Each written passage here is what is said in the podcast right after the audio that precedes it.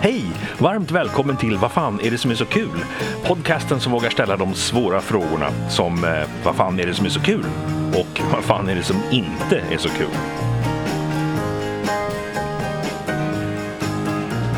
Jag heter John Thulin och på 90-talet var jag måttligt framgångsrik ståuppkomiker.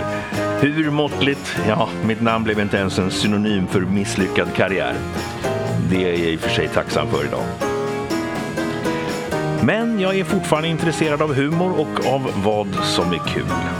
Så jag tänkte fråga en del svenska humorproffs, från ståuppkomiker till författare, regissörer till skådisar, vad de tycker är kul, roligt eller skoj. Här kommer några svar. Ja, då var det äntligen dags för Ola Aurell. Ni som lyssnade på förra veckans avsnitt vet att jag, jag var tvungen att skjuta upp eh, Aurell-avsnittet. Eftersom av någon outgrundlig anledning så lät det som när någon reporter på 70-talet ringde in via satellitlänk från någon del av världen där det hade hänt något obehagligt som en statskupp, en svält eller ett maratonlopp. Och så kan man ju inte ha det. Ola Aurell är sjungande komiker. Jag brukar kalla honom för eh, humortrubadur. Och han befinner sig i treriksröset mellan stand-up, visa och ett mörkt inre liv. Han har sjungit på de flesta av landets stand-up-klubbar och visfestivaler och har med åren fått en växande kultpublik. Just nu är han aktuell med föreställningen Manlig frigörelse, historik och praktik som han spelar tillsammans med Marcus Johansson. Man kan med fördel kolla in hans alster på Youtube. Jag rekommenderar till exempel låten Call of Duty som också har en väldigt kul video. Kommer även att lägga in en av mina favoriter av hans låtar i slutet. Men i alla fall, så det gick inget bra förra veckan.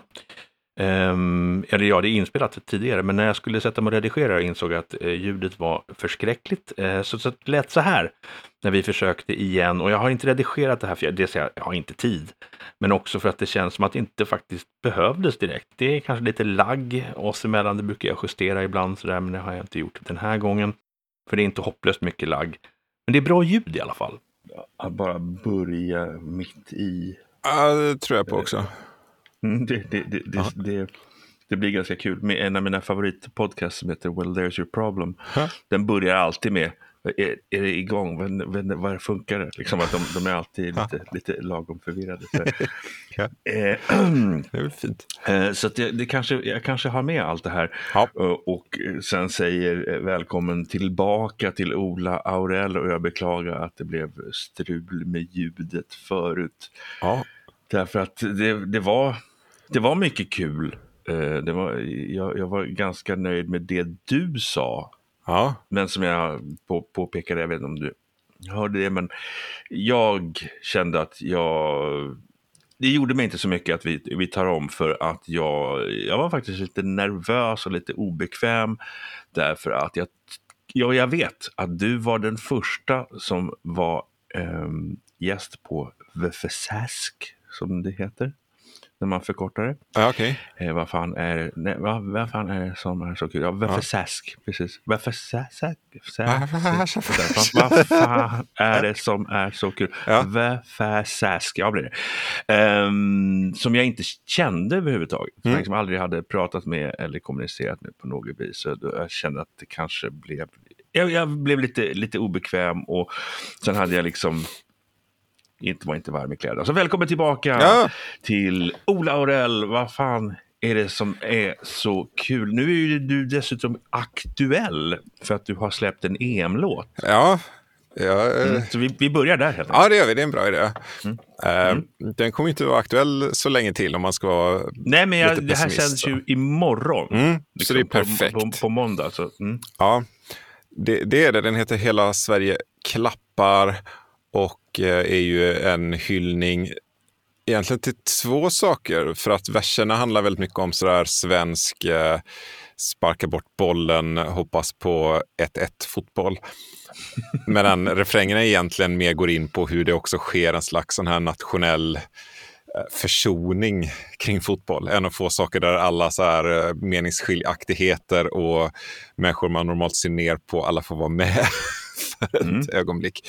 Eh, Mm. Så det är en kär- kärleksfull eh, liten drift eller hyllning till båda de grejerna. Mm. Och... Men drift plus hyllning är ju alltid, tycker jag, ett, ett framgångsrecept för just sådana här humorlåtar. Att det, liksom, att, det, att det finns ett hjärta i. Det tycker jag du är ganska bra på. Även när du, när du är grov så tycker jag, så grov, men till exempel låten Knarkaren som är en av mina favoriter från din lista, eh, så är den ju, det, det, finns ett hjärta i den. Trots att den är ganska grov, fel ord, jag vet inte vad jag ska säga, drastisk. Ja, precis. Jag, jag tycker väl, ni vet ju inte om jag alltid lyckas med det, för ibland tänker jag när jag ser mina låtar lite mer så här utifrån, som att det här är kanske bara elakt, men jag, min syn på humor är väl att man sällan är elak på det sättet. Alltså det är inte så kul att skoja om saker som man verkligen genuint ogillar, utan det är roligt och ändå Alltså det, något, det finns något förmänskligande med att göra humor om någonting. Och, och, mm. och, och, i bästa, alltså nu inser jag att humor kan ju gärna, lika gärna bli mobbing, liksom. det används ju så också, men, men det finns någonting så här lite anti totalitärt i humor, lite antireligiöst, att man faktiskt kan se det mänskliga i allting och fatta att det kunde varit jag som var en idiot lite grann. så, så att, jag, kunde ha varit, jag kunde ha varit bandmedlem i Nickelback till exempel. Ja, men på något sätt. Sen är det ju, alltså det, det går ju till en gräns när det faktiskt blir mobbing och där det kanske inte är så kärleksfullt och där de mår dåligt av det. Så att mm. man ska ju inte släta över den sidan av humor heller. Men, men det finns någonting med det som jag tycker att, eh, eh, jag, menar, jag skriver generellt låtar om saker som jag någonstans också älskar eller, mm. eller identifierar mig med. Och sen kan det ju bli väldigt mm. elakt ändå. Uh, och jag, jag vet inte, det, det, det finns, ja, jag vet inte, det är kanske bara självklarheter, men ibland finns det någon diskussion om att man på något sätt inte ska, ska skoja om folk som det, som det är liksom synd om, eller man ska bara skoja om folk man tycker illa om eller någonting sånt där. Och jag, ty, jag tycker det är så obegripligt, för om jag skojar om Ingmar Bergman så är det för att jag älskar Ingmar Bergman och har sett massa filmer och också kan se det lite, mm. lite löjliga i det. Och så mm eh, är ju inte det för att man vill slå sönder Bergman eller avråda folk från att titta på det, utan det är ju bara nej, nej, en, en, terapeutisk grej att man, man behöver inte helgonförklara honom. Det, det är ju både roligare och mer intressant, tycker jag, att eh, så att säga satirisera eller såga till exempel Bergman än vad det är att göra samma sak med Michael Bay. För Michael Bay, det vet man, ja det är skit, han gör Transformers-filmerna och det, är liksom, det finns inte så mycket att ta av där för att själva Nej, och det själva, finns ju, alltså det är rimligare att skoja om det ifall man faktiskt älskar det. Ifall man faktiskt mm. går och ser de filmerna och så kan man samtidigt se att det finns brister i det. Alltså mm. då, då, är det ju roligt att skoja om det. Men om man verkligen bara mm. inte har någonting till övers på det, man bara känner förakt och avsmak och skulle aldrig vilja se det. Då, då blir det helt märkligt att sen sitta och göra humor av det. Mm. Varför överhuvudtaget ge dig in där om du bara äcklas av någonting. Precis, ja, men det, det, det, håller jag med om. Då, då har vi pratat lite grann om vad, redan pratat lite grann om humor som begrepp. Men eh, har du samma lista, det antar jag, eh, på eh, vad fan det är som är så kul som du hade eh, det, i det som tyvärr inte blev sändningsbart? Ja, men det kan vi väl säga. Jag, jag minns faktiskt mm, inte vad den mm. sista punkten var, så det kanske blir en lätt reviderad lista. Okej. Okay. Men, eh, Men första... det, det, spelar ingen roll, det är ingen som vet, för jag har inte lyssnat så långt in Nej. på den inspelningen och, det... och, jag har så dåligt minne så att det... jag minns inte vad som var sist. Jag kommer ihåg vad som, vad som var först. Ja, var det mat? Mm. Det stämmer. För det vill jag, det är ju en, eh, jag tycker jag tycker det fascinerar mig att mat är så, så roligt. Mm. Um, och det är en sån här go-to-grej. Jag kan inte förklara varför, men mat har ju, det, har ju massa, det finns ju så mycket roliga ord som helst när det gäller mat. De är så superkonkreta och ofta är lite gamla och dunkla. Alltså de heter ju grejer som, som rovor eller äggplant. Alltså äggplanta. Aladåb. Aladåb, ja. Och men det är så här dunkelt var allt det här kommer ifrån. Det är som gamla orter, liksom. de heter ju roliga grejer, men, men där, det är inte lika roligt med orter. Inte ens de som heter roliga grejer som njutånger och så är så roliga som mat är. För det är någonting man stoppar dem i munnen. Mm. Som så här risgrynspuddingen. Alltså det är någonting med att det ska in. Det är en kroppsfunktion på samma gång. Så det blir så mycket roligare. Och eh, det, vi pratar, alltså det blir så underligt när man pratar om det en gång förut, men det är något väldigt oskuldsfullt med mat som gör att hur mesig och snäll komiker och hur oförarglig du än vill vara så kan du alltid gå till mat och alla sådana här Povel Ramel, Johan Glans komiker som bara ska, jag, jag, vill inte, jag vill inte prata sex, jag vill inte prata politik, mm. jag, jag, vill inte stöta mig med någon, det ska kunna sändas i barnprogramstid. Man kan ändå alltid kasta sig in i mat och göra en korv av sång om grynkorv. eller ja, ja, absolut. Och, och, det, finns ju, eh, det finns en amerikansk komiker som heter Jim Gaffigan och han mm. har ju han har ju säkert två timmar material bara om mat. Ja, precis. Och det funkar ju också. Man, man känner ju inte mm. när någon pratar om mat att det blir sådär vad mesigt det här är eller någonting sånt där. Man kan du inte dra riktiga skämt utan det är ju också lustfyllt och njutbart mm. att ge sig in i matträsket. Mm. Uh, och, och, Absolut. Och det finns ju också, alltså man kan ju även som lite tuff komiker kan man skoja om mat också. Jag vet att det var länge sedan jag såg det nu, men det finns någon sån här Sarah Silverman rutin och hon pratar mycket om hon älskar någon sån här ost och hon vill knulla den där osten och börjar måla upp någon sån här strap-on fantasi för det är hon som är mannen. Liksom. Och, mm. och det är jättegrovt på något sätt, men det ändå gör att det, att det är ost gör att det är roligt. Istället för att bara mm. vara sådär jävla kaxigt. Utan när jag ska stå ja, ja, det, och ha sex bara med den här osten mm. som man älskar. Och genast mm. blir det, det, det räcker för att det ska bli ett skämt. Jag har, jag har fått den, den, eh, den mest eh, utpräglade kritik jag har fått utav eh, podcasten hittills har varit just det här att det, det slängs en massa namn som folk inte nödvändigtvis känner till. Så därför så påpekar jag att Sarah Silverman är ehm, eh, ståuppkomedian, känd för att vara ja, ganska grov i mun. Det, det som, hon är väldigt sådär traditionellt snygg, Mm. Och vän kanske till och med hon ser ut. Och, och, och, på något vis är hennes grej också det här att hon är så grov och att det går liksom lite grann stick i stäv med hur hon faktiskt ser ut. Ja, precis. Uh, det är ju... Att, det, mm. ja, men, nej, men det, en, det finns ju inte med på min lista, men det är ju, det är ju en, en, en, en klassiskt fungerande grej att vän, söt tjej är grov i mun. Mm. Uh, och hon är en av de som har gjort det mycket och gjort det bra också, får man säga.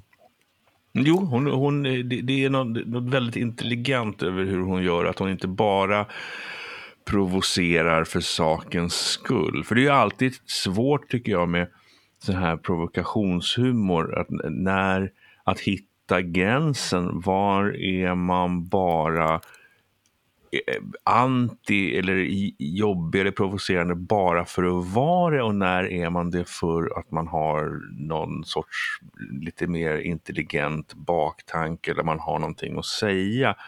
Och Sarah Silverman är bra på just det där att det finns ofta någon, någon, någon kärna av något faktiskt genomtänkt. Att det inte bara så haha nu står jag och säger knulla på tv. Nej men precis, det finns ju, går man och ser mycket sån nybörjar standup som man ju gör ibland när man är komiker för att man testar mm. sina grepp på sådana scener. Alltså det, det, det finns ju det finns något tacksamt som nybörjare att bara kör väldigt grova grejer för man får alltid någon slags reaktion. Om man bara mm. är oväntat osmaklig. Och jag kan verkligen uppskatta eh, något som är oväntat osmakligt också. Men det finns ju en fälla just när någonting blir eh, eh, man får en för lätt reaktion om man inte som du säger gör någonting av det sen. Mm. Och man kan ju, visst, det var Mm. Man kan jämföra det kanske med, ja, man kan jämföra det med den här mathumorn också förstås. Alltså det funkar ju på alla sådana grejer. Men jag, jag, jobbar ju själv mycket med, med rim och gör låtar och det finns ju någonting lite automatiskt roligt i att något rimmar på något sätt. Alltså det blir, mm. det blir en förstärkningseffekt som man gör att man kan fnittra till, jaha, det, det rimmar det där ordet på ett annat ord. Mm. Men man får ju aldrig stanna vid att man tycker att man har åstadkommit konst eller ett skämt för att det rimmar. Det måste ju leda till någonting också.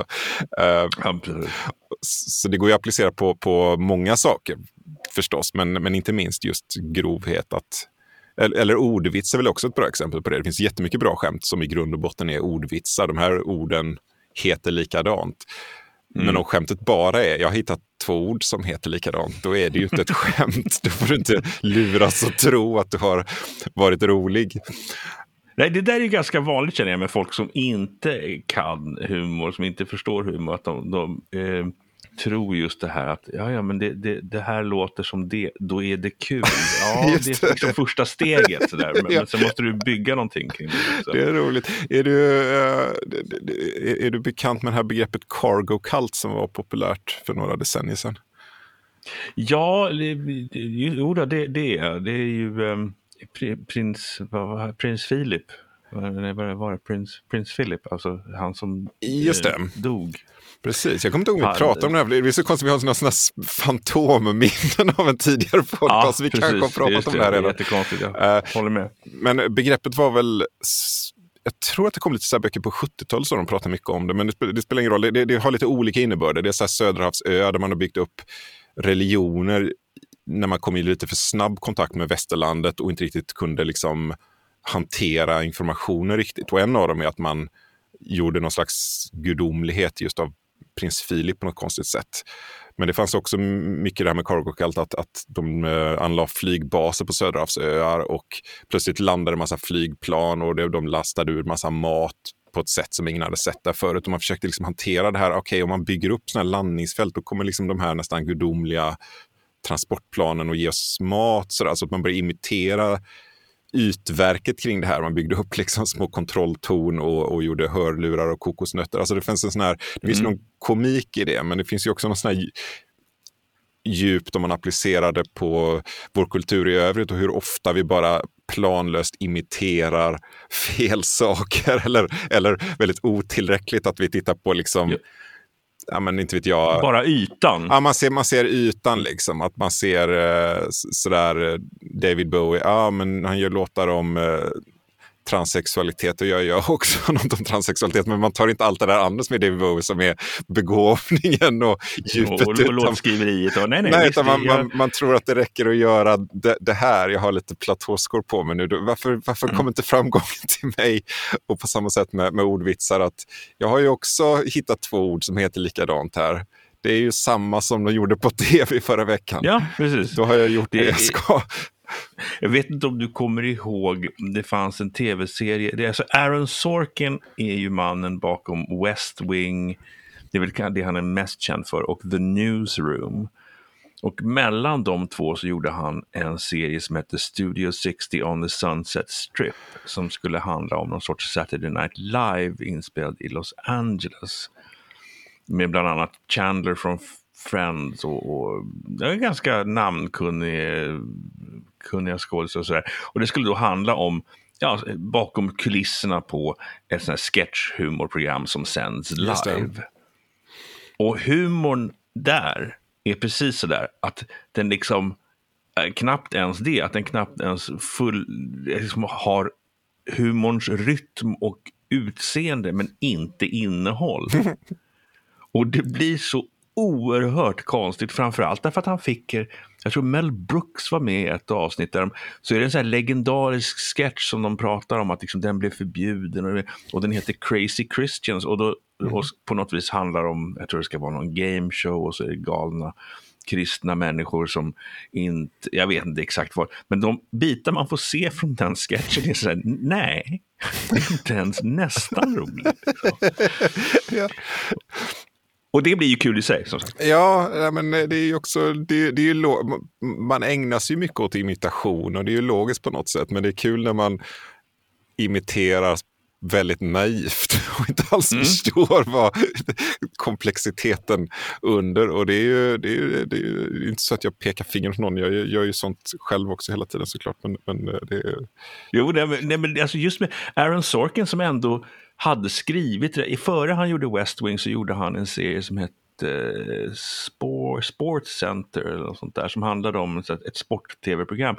Och även i West Wing så fanns det ju humor. Han, han Ja, ja. är ju bra på att skriva en viss sorts humor, men absolut inte sketchhumor. Det är liksom, han först, verkar inte förstå hur den funkar överhuvudtaget.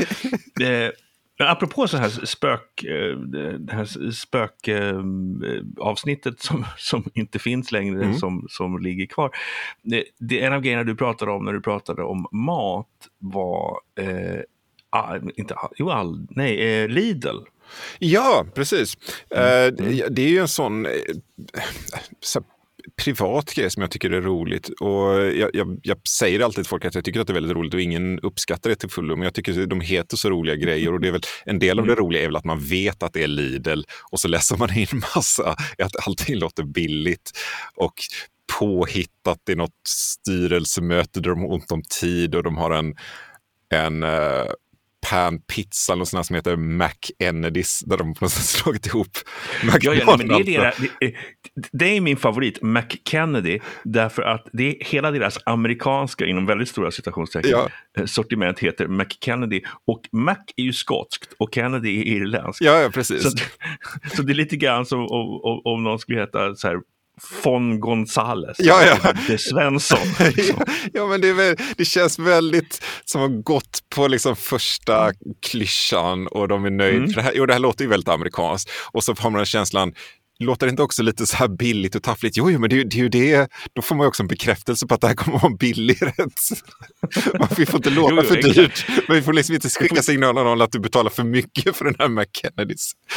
Precis. Och sen ja, har nej, vi också, det, det, ja, men det, är egentligen inte roligt, men deras te heter Lord Nelson och det hade ju ett dyrt te kunnat heta, men det låter också som de verkligen har snabbt tagit det mest klyschigt engelska de kunde tänka sig. Och, och också, också liksom designen, att de, de, de försöker se Ibland, ja, men så Lord Nelson, de försöker ju faktiskt, där försöker de få det att se lite fancy ut i alla fall. Men ja. eh, som du säger så, så, känner man ändå att liksom, jo, jo, men, men det, här, det här är skit. Det, och sen en, en, del är sådär lite ofrivilligt roliga, deras lite så kvalitetschoklad, alltså den mörka chokladen som jag absolut inte rekommenderar mm. till skillnad från vissa av deras varor, äh, heter mm. JD Gross. Vilket låter, det låter bara roligt att de har, nu ska vi ha en liten exklusiv choklad som heter JD Gross. och sen, och, deras vanliga choklad är ju också väldigt så, ofrivilligt kul. Uh, alltså de här alla Snickers och Mars-kopiorna som är väldigt billiga och som heter de Mr Chock. det blir en njutbar tanke att gå in på Lidl och bunkra upp lite Mr Chock inför helgen. Men det, är också, det måste ju vara svårt, alltså just det här kulturellt över alla länder. Det är ju eh, klassiskt det här när, när de, man ska döpa saker, att det måste funka i alla länder. För det fanns väl, jag vet inte om det var Honda som hade en bil som heter Fitta till exempel. Ja, precis. Och... Det, det, blir ju... Um... Det blir ofrivilligt kul och eh, det mm. kan de ju inte hjälpa, men det kan man göra roligt åt såklart. Och sen blir det väldigt konstigt det där, jag vet inte exakt varför, men det som på, jag tror i Sverige heter det Oil of Ulay, tror jag. Just det. I Tyskland heter det Oil of Olaz. Just det. O-L-A-Z. Och i USA heter det Oil of Olay. Så okay. jag, jag, vet inte. Och jag vet inte varför. Okay, Ulay möjligen kan ju då på engelska kanske vara du ligger med, men det är lite långsökt sådär. Men riktigt varför det heter det Ålas i Tyskland, det har jag ingen aning om. Nej, det, det är, jag vågar inte ens gissa faktiskt. Men jag, jag känner igen att det heter Ålas. Det, det, finns ju... Det tycker jag är lite roligt. För att, eh, för, för att man är så, och också det här när man är invand vid någonting. Man har sett reklam för Oil of Julia, Oil of Julia, så kommer man någon vart och säger så här, Oil of, jaha, Ålas. Då blir det bara roligt i sig, att det, bara, att det är lite fel. Ja, ja, gud ja, sånt är jätteskojigt. När jag flyttade till USA som, som uh, ung tonåring, uh, då just det här att BMW blev BMW, att det blir fler stavelser. Det. det. känns jättekonstigt. Ja, jag tycker det är kul. Ja, men sådana små språkdetaljer kan man ju ha jätteroligt åt. Det, det, det är så mysroligt. Jag, jag, du, du bor ju i Tyskland. Jag, jag, jag bodde ett kort tag, så jag gick mest runt och noterade lite så små. Men jag tyckte det var väldigt kul att, att tyskarna har så franska lånord, några stycken. Oj, oj, det är jätteroligt. det är så som vi absolut inte hade tänkt på. att jo, men Det är klart de har plockat in några franska grejer, precis som att de har några engelska grejer. Men, men eh, det, det, det bara kommer så här pointe eller vad det nu har, eller Ja, de har balkong. ja, ja. Helt oprovocerat så, ja. ska det vara, så ska det vara på franska. Ja. Eh, och Det är också det att de uttalar lite på extra så här, överdriven franska. Ja. Uh, och sen har jag för mig, jag är inte hundra på det här, jag har fått för mig att det är så här att kvinnlig kusin mm. är cousin, medan manlig kusin är kusine. Tror jag. lite, lite kvinnligare i Frankrike. Precis. Ja. Uh, vad finns det? det finns mer sådana här, ja, balkong. Uh, nu kommer jag inte på några bara för det. Uh, utöver, men det finns, det finns massa sådana där. Jo, just det, den första som jag upptäckte var, jag höll på att spela något brädspel med ett par stycken människor. Och så höll de hela tiden på att prata om budget. För det var ett ekonomiskt eh. Aha. Och det är alltså budget. Aha. Budget. Varför? För att det känns som att det skulle kunna funka rakt av. Budget, precis på svenska. Budget. Liksom. Det, var, ja. det, varför ska det behöva vara budget? Liksom. Ja. Jag kan inte svara på det. Det finns, finns mycket. Så är de ju sådana med engelskan också. Att, att det ska alltid uttalas lite, lite häftigt. Så att, att eh, om man spelar i ett band ja. eh, på tyska, då spelar man i ett band. ja. Och det är kul. Ja, ja ty tyskar är generellt roligt. Det var inte med på min lista, men uh, tyskar är ju klassiskt uh, skoj. Ja, jo, det, det är det. Och sen är det också det här, tycker jag. Eh, det finns ju någon sorts eh, myt om att tyskar inte är kul eller att det inte finns bra tysk humor. Ja, just det. Och det kan väl bero på en, en del saker. Till exempel vad heter han? Dieter Nor finns det en tysk eh, ståuppkomiker som heter och han är ju så bottenlöst dålig att det, jag förstår att folk, det, han är den enda som har gjort en, en Netflix special av alla tyska komiker. Okay. Och ja, men han är ju så här, han är en säker scenperson och, och sådär. Men han, till exempel det här det här är så här, ett exempel på hur man bygger upp ett skämt på ett sätt, eh, för han pratar någonting om han har gjort någon grej om, om, om att flyktingar, när, när, det, när det kom mycket flyktingar till Tyskland så kom de till, eh, de på, in på olika tågstationer och så har han liksom på något vis också lagt upp för så här, huliganer som ska på match och så är det nå någonting om, och de, de, alltså att han säger en massa nedlåtande saker som man ska tro handlar om flyktingar tills han vänder på det och säger att det är liksom huliganerna. Men ba, man vet, det är så tydligt i upplägget att, det, att han kommer att göra den här vändningen så det blir bara pinsamt. ja. Eh, det är så klart vad han är på väg att göra för att, han, för att ingen skulle ställa sig och säga så, ja, så kom det flyktingar till Tyskland och de, de lät och de var jobbiga och de stank och det, så, det, ingen skulle ju säga det. Så det, det, därför är det så tydligt att ja, någonstans måste det ju komma en vändning, även om man inte har, skulle ha sett exakt den här vändningen, vilket man i och för sig gör, men även om man inte skulle ha gjort det. Ja, det, det låter mm. primitivt när du återger det. Ja, och, det, och så är det. Men det finns, det finns faktiskt väldigt mycket eh, bra tysk humor. Jag brukade ju se på, um, jag hade på, på, gratis på, mitt, eh, på ett ställe där jag bodde så hade jag gratis eh, RTL, den tyska, en av de tyska kanalerna. Och då hade de, de gjorde en Saturday Night Live rip-off på okay. 90-talet. Som hette, inte helt förvånande, Samstagnacht. Okay. Um, och där hade de, och den tycker jag är väldigt rolig, för den är lite knepig, man får hänga med lite. De har en, en sketchserie som återkommer som heter Kentucky Schreit Ficken. Okej. Okay. Vilket då alltså bygger på Kentucky Fried Chicken, men Kentucky Fried eh, Schreitficken betyder Kentucky skriker knulla. Ja.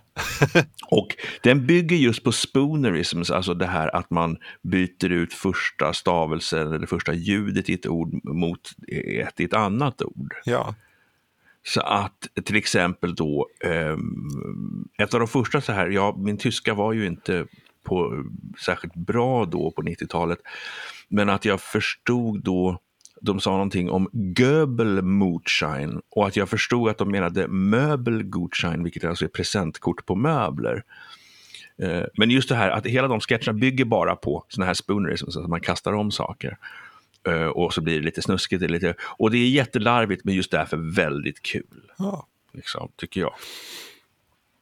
Ja, ja. Apropå vad som är kul. Förlåt, men nu ska vi till nummer två. Uh, ja, det kan vi inte prata mer om, om, mm. uh, om, ja. om tyska. Jag, jag har ju själv spridit mm. mycket fördomar att tyskar inte har humor, men jag har också insett att det bara är en, en, en billigt, billig lögn som jag sprider. Mm.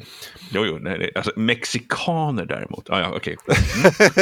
Mm. jag, kommer, jag, jag borde jag läste någon sån här rolig historia. Det är så orättvist, för roliga historier som står i tidningar och sånt är ju aldrig roliga. Liksom. Men det kändes nej. så tysk för att den inte hade någon riktig riktig punchline, utan det var bara någon som var arg. Det var liksom någon sån här berättelse om någon uh, hotellrum, tror jag, där det var ett älskande par i det andra rummet och så som bara hela natten höll på. Och så var någon som, åh, vem, vad nu heter på tyska, men vem är den här lilla popösen, vem är, vems är den här lilla Mm. rumpedumpen? Sådär, liksom. Så till slut så Mhm. skriker mannen som inte får sova.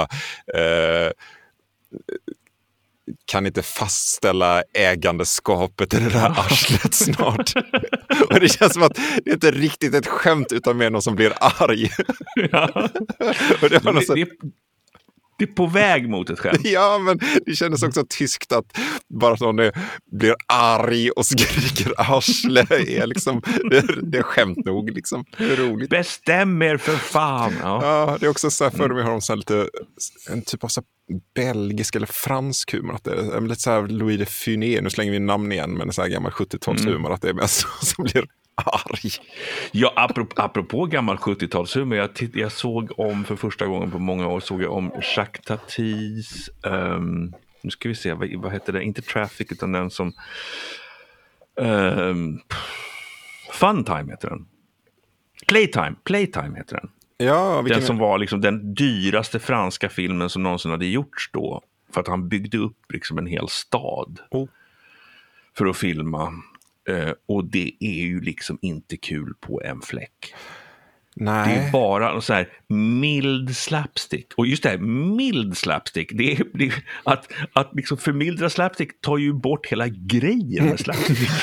ja, jag tror att jag upplever att det där åldrades så oerhört illa. Så här. Det, och förmodligen all humor, men inte minst 70-talshumor, för det är ju sånt som min föräldrageneration fortfarande satt och tyckte var roligt. Liksom. De pratade ju Mm. med värme om den här Jacques och, och sånt. Och, och Mm. Louis de Funès och det jävlar. Louis vad- Dufiné, honom minns jag inte ens riktigt. Nej, jag bara vet inte. ihåg- Men Tati är sådana som återkommer. Att det, det, var, det såg ju folk upp till på något sätt. Och jag kan inte tänka mig att någon ung människa idag sitter och ser Jacques Tati med glädje. Men jag kanske är överdrivet negativ. Ja, nej, jag, jag tror inte heller det. Alltså, men det var ju, det, eh, innan videotiden så var det, så åtminstone i Stockholm, att det var ju vissa filmer som bara gick, gick, gick, gick, gick, gick, gick, gick, gick och gick på, på bio. Ja, Det var ju dels Gökboet och eh, Chicago Expressen och så var det då eh, Jacques Tatis Semestermarodören. ja.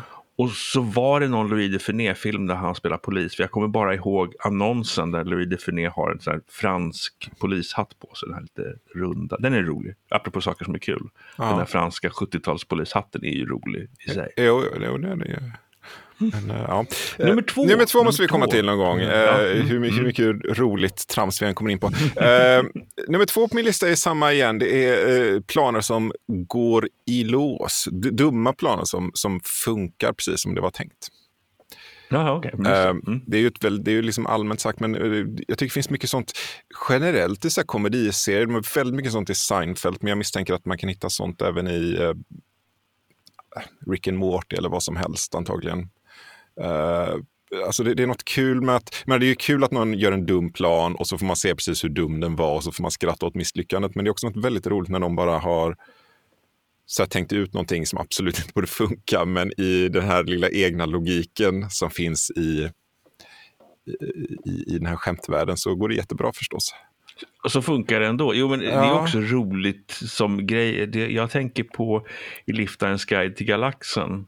När, eh, när de lyckas lifta med Vogon-skeppet så är det ju är det, är det, är det, efter- nej, det är efter det. När de blir utkastade så blir de räddade av ett annat rymdskepp. Men att åtminstone Ford Prefect eh, som är då är rymdvarelsen eh, som är tillsammans med Arthur Dent som är eh, människan. Men att han åtminstone tar åt sig äran för att det är en plan. Mm. Att det liksom, ja, ja men det var, det var så jag hade tänkt. Eh, och det, men det är ju som sagt var alltid kul. Det alltså, det, är en, det är en rolig effekt när det är så här, gud, gud vilket dum plan, det kommer aldrig funka och så går det liksom ändå. Ja, ja precis. Det, Mm. det, den är så genial som de har liksom tänkt att det ska vara. Eh, Jag, vet, det, jag, är förvånande själv varför, varför jag alltid älskar att se det, men jag kan liksom inte få nog av idiotplaner som går i lås. Eh, och jag, jag vet inte om jag ska ta exempel, jag tror exempel du tog förra, men det är bara så här, Seinfeld har jättemycket sånt, men det är liksom till exempel någon som får för sig att ja, men, den goda delen av en muffins är ju, liksom, det är ju toppen där, det är ju den som är så här seg och god, så vi, vi gör ett café där vi bara sågar av toppar och serverar dem. Och så Mm. känns det som att om det var så bra så hade någon gjort det. Nej, det går jättebra. Mm. Och förstås, så det blir det så populäraste kaféet i stan ungefär. Men sen så blir, vänder de på det och så har de problem. Vad ska man göra med de här stubbarna som de får kvar? Liksom. Vi kan göra det hemlösa. Ja, briljant idé, men de hemlösa känner sig förnedrade för att de inte får, de får liksom sekundära För att de får skräpet. Ja. ja, så blir det ett jätteproblem och så de bara växer berg av skräp som de inte vet vad de ska göra av och så får de sätta sig och äta upp alla dem. Och det är liksom en sån klassisk Seinfeld-intrig, men det, det, det hade varit så det är så lockande att gå direkt på att det ska bli dåligt. Liksom, för att, eh, mm. Men att det är bara kul att... Ja, det, det, blir ju roligare om det funkar först och sen misslyckas på något som man inte har tänkt ja, sig. Precis. Och, och det, det, ja, det, mm. Jag gillar det varje Okej, gång. Nummer tre, nu, nu, har det, nu, måste, nu har det gått så pass bra här att vi har liksom lite, lite eh, skönare läge och, och banter och så vidare. Så att, eh, nu så måste jag stressa upp dig lite. Ja, för, att för du vill ha vi ligger på 32 det. minuter och jag förskör hålla de här under en halvtimme. Det har jag inte lyckats okay. bra med uh, hittills, men... Då säger vi bara att jag tycker ju om när det blir uh, uh, onödigt uh, när det blir jättemörkt tycker jag att det blir roligt. Sånt som blir så mörkt att man inte kan ta det på allvar nästan.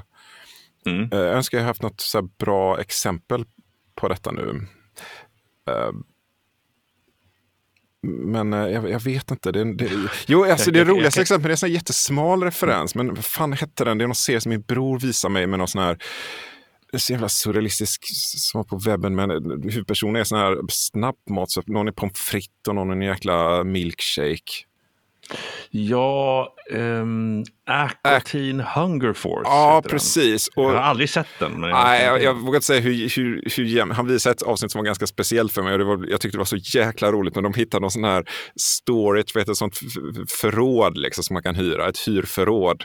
Och det visar sig mm. att det, förrådet är någon portal in i någon sagovärld som är så extremt oskuldsfull. Det växer några gulliga bär och det har sin egen lilla sådär sagoaktiga dynamik och han som äger förrådet bara skoningslöst börjar exploatera det här förrådet.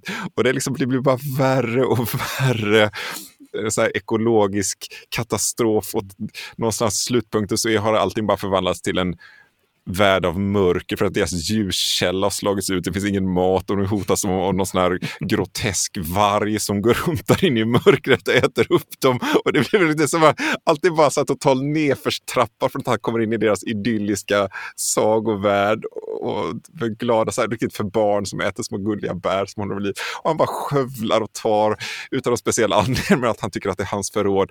Och jag vet inte, det, det, det som det, det, här, det går ju liksom bara att göra som humor för att det finns ingen tröst i det. Det finns ingenstans finns det någon hopp någonting bättre.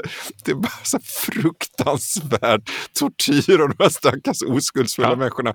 Jag tror att det ska börja med att de tycker hur ska vi förhålla oss till de här nya och de är jättekärleksfulla och sen så börjar de sådär, ja men herregud han, han bara dödar oss, vi måste börja göra motstånd och till slut så, och de gör så patetiska motståndsförsök som inte lyckas alls. Och så blir de bara utplånade och det, är så, det är så mycket folkmord och elände över det.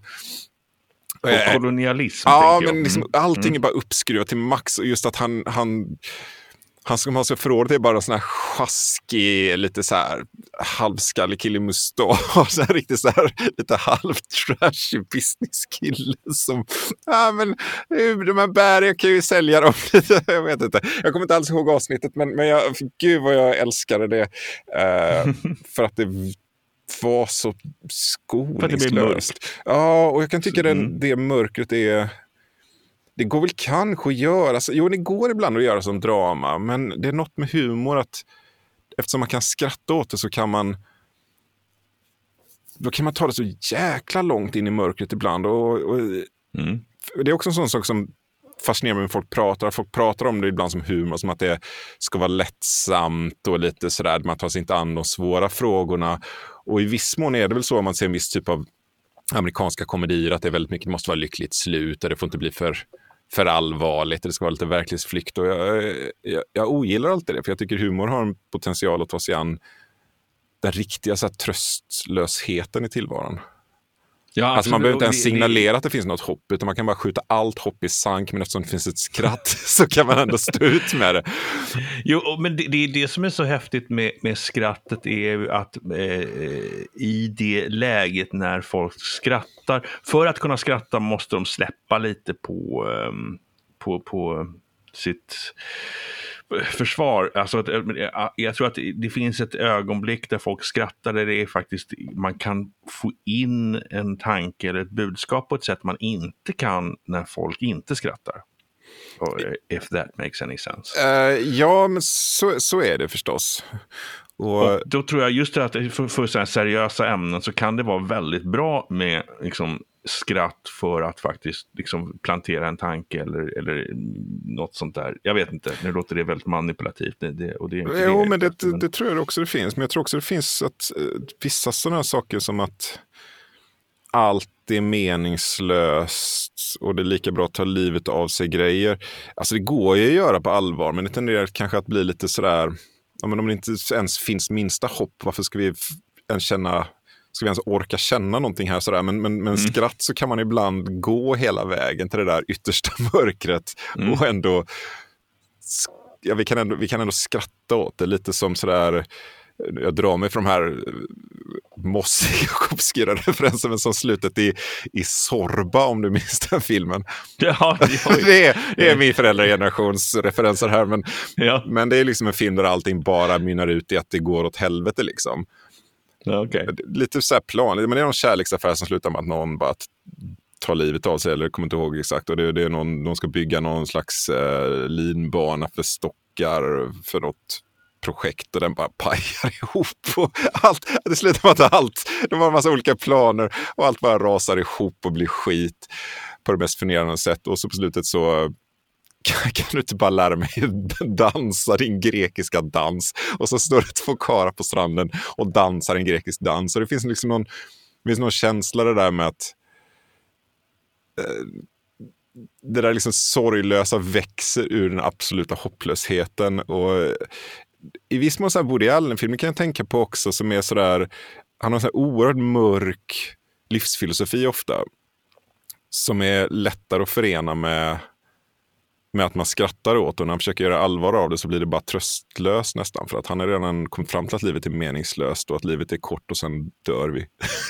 mm, ja, ja, visst. Och, men, äh, och jag tänker också det här Sorba, på 70-talet kunde man ju på något vis jag tror inte man kan göra det på samma sätt idag, åtminstone inte i mainstream-filmer, att man slutar liksom på, på en downbeat, att det, att det är lite så här, ja, det, det, gick, aha, det gick så här. Ja, liksom. nej, det är ju en allmän konvention som gäller både eh, komedier och, och drama, att allting ska sluta lyckligt. Det är ju det är en sån, eh, och jag tror att det finns en viss cynism inbyggd i det, att de bara tar, kör sin testpublik och så har de kommit fram till att nej, testpubliken kommer alltid säga att ett lyckligt slut är roligare, så då kör vi alltid det. Liksom.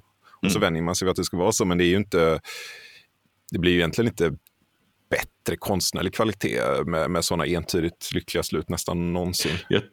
Ett av mina favoritslut på en film är uh, The Italian Job, originalfilmen från 65 kanske. Där de har, de har lyckats med sin kupp och de har snott en massa guld och sen så åker de i en buss ut, upp i Alperna och, sen så får bussen sladd och så hamnar den liksom så att den halvhänger, den är på väg att trilla ner men allt guld är på ena sidan eh, där, där den är på väg att tippa ner och alla eh, bovar då är på den sidan som fortfarande är på, på mark. Så, så står den där och vippar och så är det liksom hur, hur, ska vi göra med guldet för att vi ska komma åt det så måste ju liksom någon gå dit och så vidare. Och då, då är det bara, slutar det bara på Michael Caine som säger I've got a plan. Och där slutar filmen. ja, men det är jättefint. Ja. Och, jag, det. Eh, jag vet inte, det finns ju någon sån här när man låter så här boardroom executives bestämma så, ja men hjälten måste, det ska vara ett dilemma men sen ska det sluta med att hjälten får både guldet och kommer därifrån mm. och får tjejen. Och, alltså, så, ja, så det var inget dilemma. Nej, nej, det kan man säga, det var aldrig ett dilemma. Vad var det? Jag såg en recension av den senaste Fast and Furious-filmen. Och tydligen så i den så är det Ja, dels så karaktärer som de har eh, tagit livet av tidigare återuppstår bara så allmänt tydligen. Mm. Jag, jag, jag, vet inte, jag har inte sett, jag har inte, jag har inte sett den första tror jag. Um, men de kommenterar till och med tydligen i filmen, huvudpersonerna, att liksom, kan, visst är det undligt att vi går igenom alla de här otroliga sakerna och så klarar vi oss alltid helt oskadda. det och det, är, alltså, det kallas ju lampshading det här, när det är något som är dumt i en film och så påpekar man det, hur dumt ah. det är. Liksom. Men problemet där är att nu har du ju med en gång, redan tydligen rätt tidigt i filmen, etablerat att ja, ja, det, det finns ju liksom ingen finns ingen risk här, det finns ingen, utan vi kommer bara, de kommer att klara sig. Det finns liksom ingen anledning att bli orolig över någonting. Att, åh nej, ska han hoppa med bilen över där, hur ska det gå? Ja, det kommer ju att gå bra. Ja, alltså jag, jag hade ju inte släppt igenom det om jag hade bestämt. Alltså, jag, Nej, sådär, alltså manus, jag fattar att manusförfattaren tänker så. Okej, titta på de här sju första filmerna, skrivit likadant manus. Och det är klart att jag måste ändå kommentera att de har varit med om det här sju gånger förut. nej, nej, det är inte det, är inte det som var ditt jobb. Ska Nej, precis. Det är verkligen inte manusförfattarens jobb. Okay. Nej, men det är som eh... sån här morden i Midsommar, de börjar kommentera hur konstigt det är att alla dör ja. överallt i den här staden, börjar leta efter bakomliggande orsaker. Det är ju jättebra, men det blir en helt annan serie. Det blir, det blir en väldigt eh, mörkare grej faktiskt. Att det, liksom, det är någonting med den här, den här onda staden. Ja, ja då, men då kan du ju bara göra det avsnittet och sen är det en konstig Stephen mm. King-film när det visar sig att det är en clown under jorden och så. Men, men eh, det går inte. Det är också samma sak med Miss Marple, Murder She Wrote. Vad hette den på svenska? Den hette... Mord och inga visor hette den. Mord och inga visor hette ja. den. Men det är ju samma sak där, om man börjar tänka på hur liksom, hon reser runt och är på olika ställen och ofelbart så blir någon mördad. Och, För det måste det ju ske på grund för handlingen, men samtidigt om man bara tittar på rent statistiskt så är det ju Ja, det blir ju jättekonstigt och skulle man börja kommentera det så förstörs ju serien eh, omedelbart. Ja, precis, med en gång. Ja. Det är också som det här att, att Hulken i gamla Hulken-tv-serien från 70-talet alltid stöter på folk som provocerar honom. ja, jo. jo att det, det liksom ofelbart är så att alla, alla ska säga varför är det så, Som att liksom, så är det i livet. Om man går ut och säger ska jag bara gå och köpa cigg liksom, och så kommer man ut och så är det någon som börjar skrika åt en på gatan. Liksom, bara helt upp, ja, bara sådär. För så, sånt är ju hans liv helt klart. Ja, just det. Mm. jag såg nyss om uh, Pulp Fiction när vi satt och pratade om den och kommenterade hur, hur underligt egentligen är att han, eh, Jules, eller vad han heter, han, eh, Samuel L. Jacksons karaktär på slutet ska ge sig ut som och vandra som, som Kane i Kung Fu och liksom stöta på människor och hamna i äventyr. Han har liksom en bild av att livet ska bli som en sån 70-talsserie där det bara som A-Team eller Kung Fu eller något där det bara, eller mm. Hulken, att han bara kommer in i folks liv, det uppstår ett drama och han löser äventyret och vandrar vidare. Ja, ja det, men det, det, är nog många som tror att man skulle kunna leva så. Liksom som, jag, jag, tror att det, är, det, känns som att det är ganska djupt rotat i, kanske inte så mycket nu, mm. men jag tror att om man växte upp på 70-80-talet så tror jag att det är rätt lätt hänt att man, man har den synen. Precis som att tydligen sådär många män, det läste jag också nyligen här, att många män tydligen eh, tror att de skulle kunna vinna över en hel mängd olika djur uh, i en fight. Ja, ah, just det. Det där är intressant. Ja, jag tror det var typ så 11 procent av alla män tror att de skulle kunna ta ett lejon i en fight. Och det är så här, vad fan? Vad? vad det, det, det, alltså, jag skulle inte ens kunna ta en katt som har bestämt sig. nej, nej det, det, är intressant. Och jag förstår inte hur man tänker då. Om man är så här, ja men lejon, det grejer jag liksom.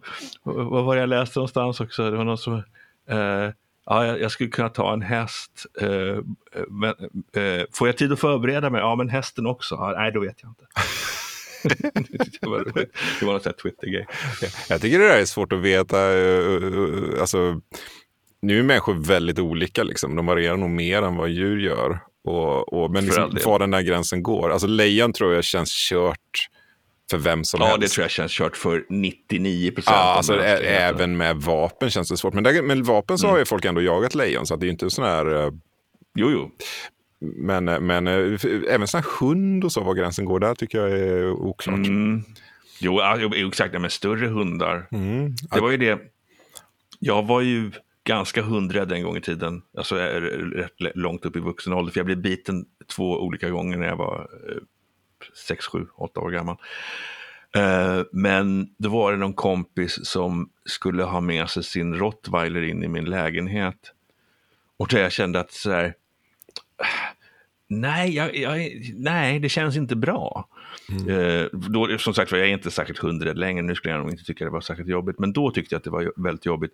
Och då kom jag på liknelsen just där, ja, men det är ungefär som att man skulle ha en komp, just det här det faktum att en hund av den sorten mm. skulle kunna ha ihjäl en. Ja, ja. Eh, och det är ungefär som att ha en kompis som alltid har en laddad pistol i handen. Men det är så här, men det är lugnt, han är jättesnäll, han skjuter inte folk. han skjuter så. inte, han har en treårings intelligens och en laddad pistol. Dessutom, han, har inte, han har inte skjutit någon någon gång. Det är lugnt, han är mm. Jo, nej, men så det, det, det kändes... Uh det kändes som en liknelse. Nu vet inte hur vi kom in på Jo, att, att, men så sagt, nu måste vi. Ja. Det här är skönt, skönt att det blev, eh, blev lite långt. Jag tycker det blev ett bra samtal hittills så jag, jag tänker inte redigera mycket av det här. Men mm. eh, vad fan är det som inte är så kul då, så till sist? Mm, vi, kan, ja, vi, vi, vi rundar av med att knyta tillbaka till början. Eh, det är väl de här grejerna när det är naivt. Uh, bara imitera någonting som mm. skulle kunna användas som något skämt. Och jag vet inte vad som... Vi har sagt flera exempel förut, eh, men vi kan säga rim eftersom jag använder mig av rim. Eh, jag vet inte, får man, hänga ut, man får inte hänga ut människor va? Det känns taskigt. Ja, gör som du vill. Ja, men alltså, det, det, det känns i och för sig som öppet mål, men i, i, i, namn och nytt generellt det finns väl ingen som tycker det är roligt som är under 90-idén. ja. Men det, det, är en fascinerande sida. Jag, alltså, jag älskar ju sidan för något sätt, för att den är så mm. konstig. Mm. Det är ju som en Facebookgrupp eller något sånt, fast den är i, i tryck och för väldigt gamla människor. Så den består till stort sett av att människor skickar in sina lustigheter. Och ofta är det ju mm. senila ordvitsar som är som är verkligen bara helt naivt. Titta här, det här ordet heter ju lite som ett annat ord. Vad mm. fyndigt. Det är värt att det ska trycksvärta på det. Och där skickar de ibland in även sådana här lite dagsverser och liknande av folk som kan vara helt habila på att rimma men som tror att det räcker att man du vet sådär ett påstående i stil med Putin är homofob eller ofta något ännu mindre roligt liksom, som bara är en sån här ren banal iakttagelse. Nu blir, det, nu blir det vår och då blir det varmare väder typ. Och så rimmar man det på något sätt. Det. Och det finns ingen det, knorr, det, det finns ingenting mer Nej, än ett lite långrandigt och rimmat sätt att säga det mest. mest. Och så också om det är ett så här rim där man är tvungen att vända ordföljd för att få det att funka. Ja, det blir, då, det, blir såklart ännu värre, eller, eller när ordvitsarna är, inte ens är bra ordvitsar. Men, men det är någonting med att det räcker inte att du har rimmat korrekt ens om du får till trestaviga rim. Alltså, det är ju det är ett redskap. Liksom. Det är inte, mm, det, inte så, det är inte så att, absolut. Du skrattar ju inte åt att du har Ja, jag vet inte. Det, det är som att... Nej, nej, men jag, jag håller med. Jag förstår, jag förstår precis vad du menar. Men det handlar om, alltså när man har hittat formen men missat innehållet. Nu ska vi se, nu har jag faktiskt inte gjort anteckningar. Jag brukar försöka anteckna under, eh, men då, då har vi alltså etta, mat, tvåa, en dum plan som går i lås Jajamän. och tre vad sa vi att tre? Ja, jag synes, var... När det blir så här ofattbart uh, mörkt.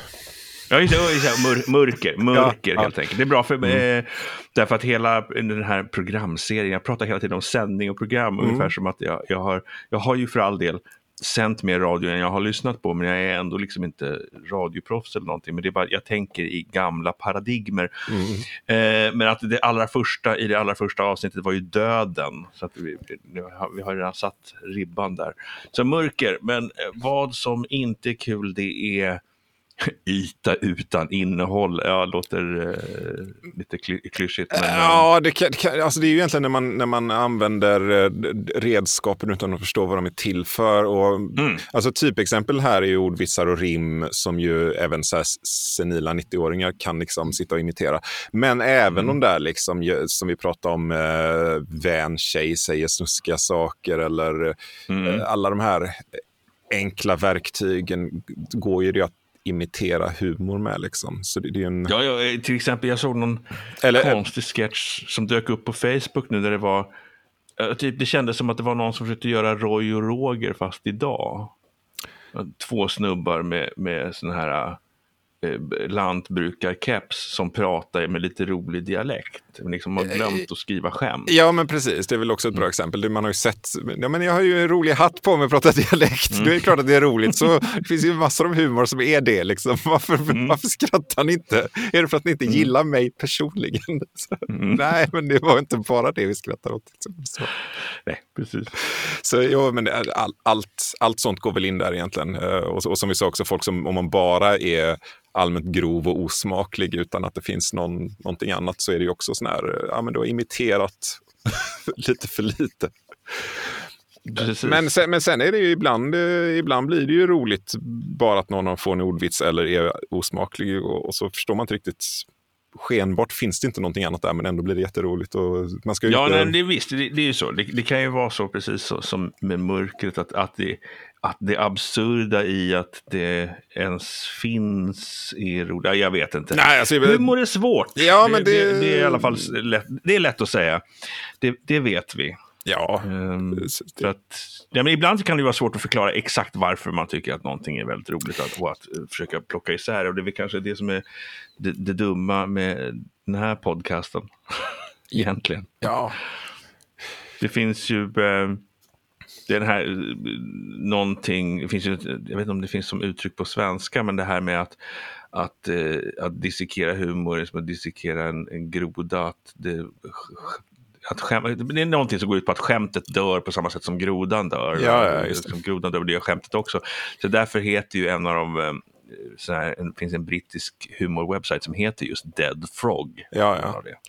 Mm, eh, ja, nej, det, det, det, är ju en lite sådär underutvecklad form. Jag vet inte alltså, man kan ju säga samma sak om all så konst, att det är svårt att analysera varför det blir bra och att det kanske inte alltid leder någon vart. Men det finns ju, det finns ju ändå hela universitetsämnen kring att analysera vad som får en roman att funka och så vidare. Men just mm. humor är, är, ju...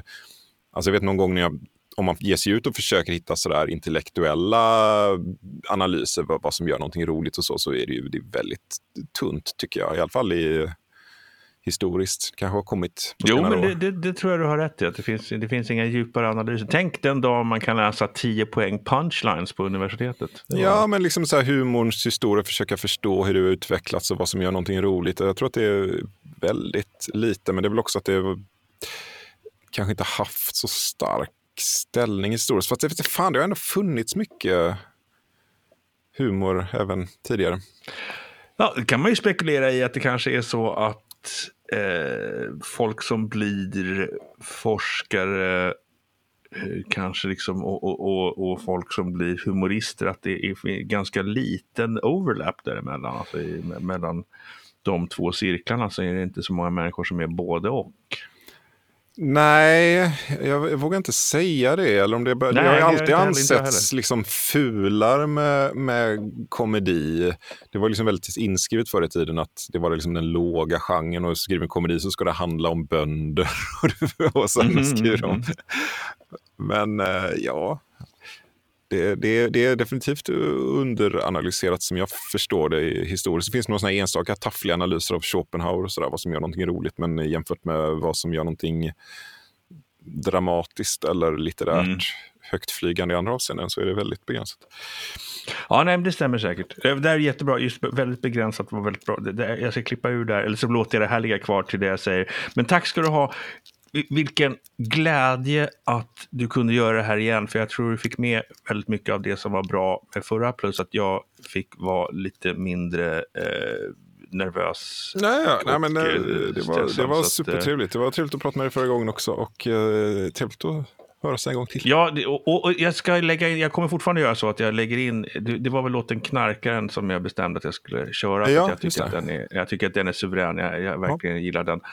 Um, och eh, ska, just det, kan jag på nu. Och häng kvar till efter låten, ni som lyssnar nu här. Häng kvar till efter låten så ska ni få höra hur ni kan vinna en bil.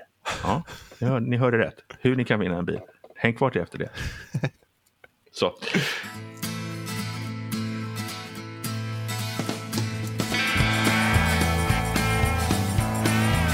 Jag minns den mannen som igår Han hade shorts och tog Han var en knarkare som kom till våran klass Han pratade snus och knark och sprit och hur man kunde trilla dit och vikten av att ha en, som han sa, kompass.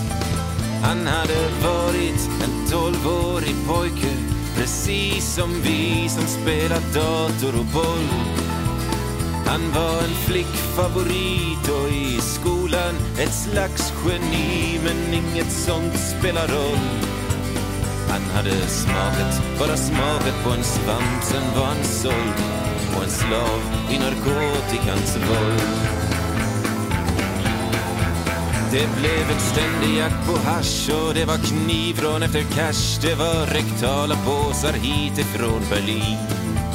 Han kom i gäng, han tog sig upp, han gjorde årtiondets kupp och blåste bossen på en bilast kokain.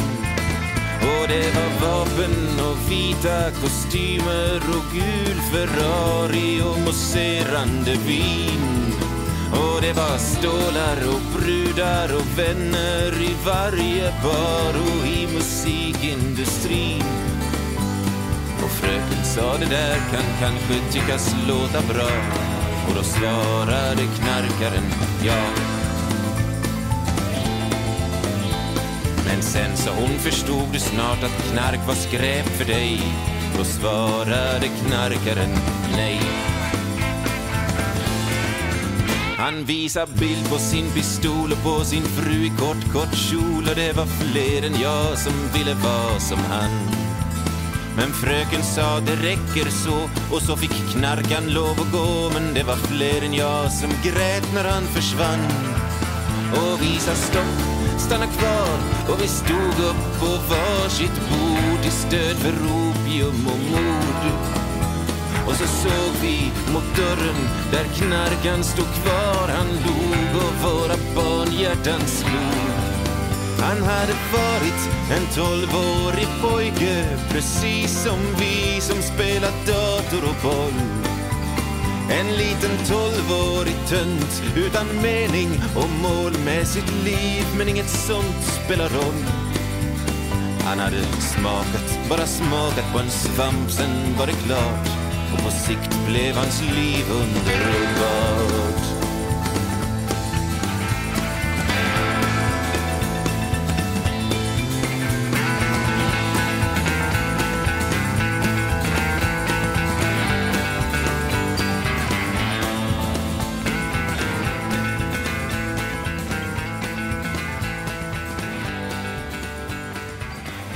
Och där tonar Ola Aurells låt Knarkaren ut och som jag lovade så ska ni nu alla få en chans att vinna en bil. Det är en väldigt, väldigt enkel process. Två steg bara. Det första steget är att ni hittar en tävling där priset är en bil och att ni sen eh, då i steg två ställer upp i den tävlingen. Lycka till! Vi hörs nästa vecka då något annat humorproffs får besvara frågan Vad fan är det som är så kul? Tack för att du lyssnade på Vad fan är det som är så kul? Jag heter fortfarande John Thelin.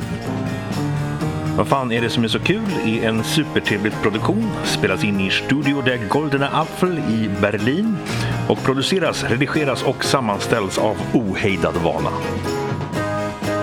Exekutiv producent är Deborah Vaught Thelin. Ja, det är min fru, hur så? Tumnagelbilden med de dragspelande hästarna är tagen av Dominic Vanji och titelmelodin är Vaccinated Mushrooms av Lalo Schifrin från hans klassiska skiva från 1968 Whole Lalo Schifrin Going On. Bägge används med benäget tillstånd. Vad fan är det som är så kul finns på Twitter som att vad fan podcast. Vad fan med det? Och så hela ordet podcast. Mejla, det kan man göra till vadfan supertrevligt.com, alltså supertrevligt med T på slutet.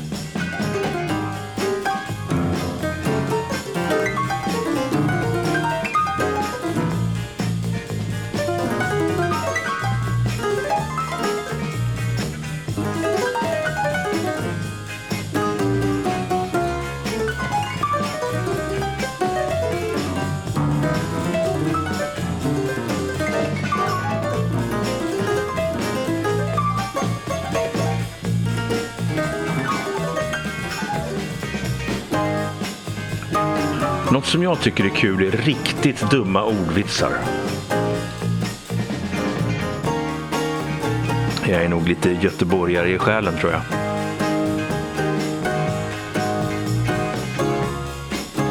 Nej, jag tänker inte ge några exempel. Lägg av. Verkligen, jag tänker inte göra det. Så, det var det. Du kan sluta lyssna nu.